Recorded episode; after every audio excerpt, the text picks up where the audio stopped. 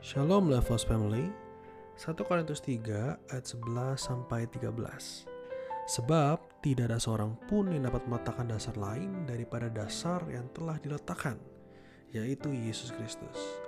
Entah orang membangun di atas dasar ini dengan emas, perak, batu permata, kayu, rumput kering, atau jerami Kelak pekerjaan masing-masing orang akan tampak karena hari Tuhan akan menyatakannya Sebab hari itu akan dinyatakan dengan api dan bagaimana pekerjaan masing-masing orang akan diuji oleh api itu.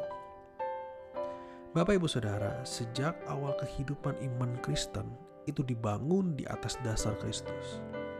Dasar Kristus artinya nilai-nilai, karakternya yang Yesus tunjukkan dalam pengajaran dan teladannya itu yang menjadi dasar pertumbuhan iman kita. Kehidupan Kristus itulah, pengajaran Kristus itulah yang menjadi dasar menjadi dalam tanda kutip tanah di mana kita berdiri. Tanpa dasar ini, tanpa tanah ini, maka sejatinya kita tidak memiliki tempat berpijak. Alhasil, iman kita jatuh.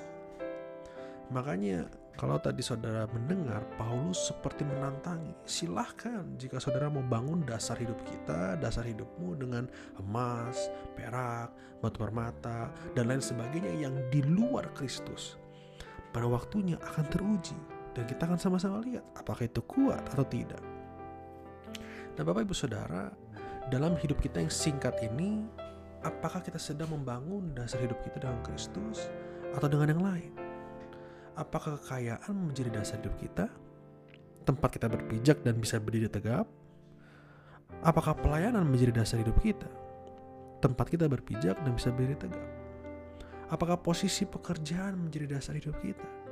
Di mana kita dengan pekerjaan juga bisa berdiri tegap. Coba kalau kita uji kekayaan kita dengan api. Akankah ia bertahan? Coba uji pelayananmu dengan api. Akankah ia bertahan? Uji pekerjaanmu dengan api. Apakah ia akan bertahan? Nyatanya kekayaan bisa hilang seketika. Pelayanan bisa tergantikan seketika dan pekerjaan juga sama, bisa tergantikan seketika. Tapi Yesus tidak akan pernah tergantikan. Garis bawah ini.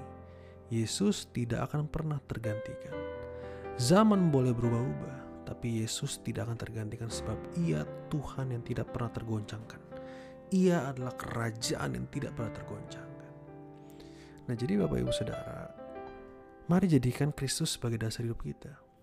Pondasi hidup kita dalam berkeluarga, pelayanan, pekerjaan.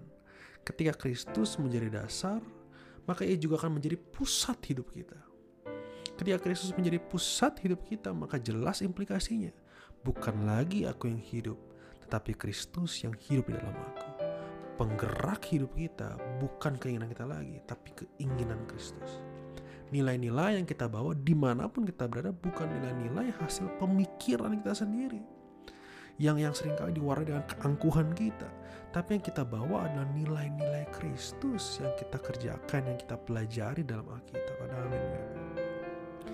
So, Bapak Ibu Saudara, setialah. Sebab tentu kita akan mengalami pengujian. Jika hari ini kita sudah menjadikan Kristus sebagai dasar hidup kita, puji Tuhan, maka izinkan api itu menunjukkan kemurnian iman kita. Menunjukkan kesungguhan kita menjadikan Kristus sebagai dasar hidup kita, pusat hidup kita. Tetaplah setia, Tuhan Yesus memberkati. Amin.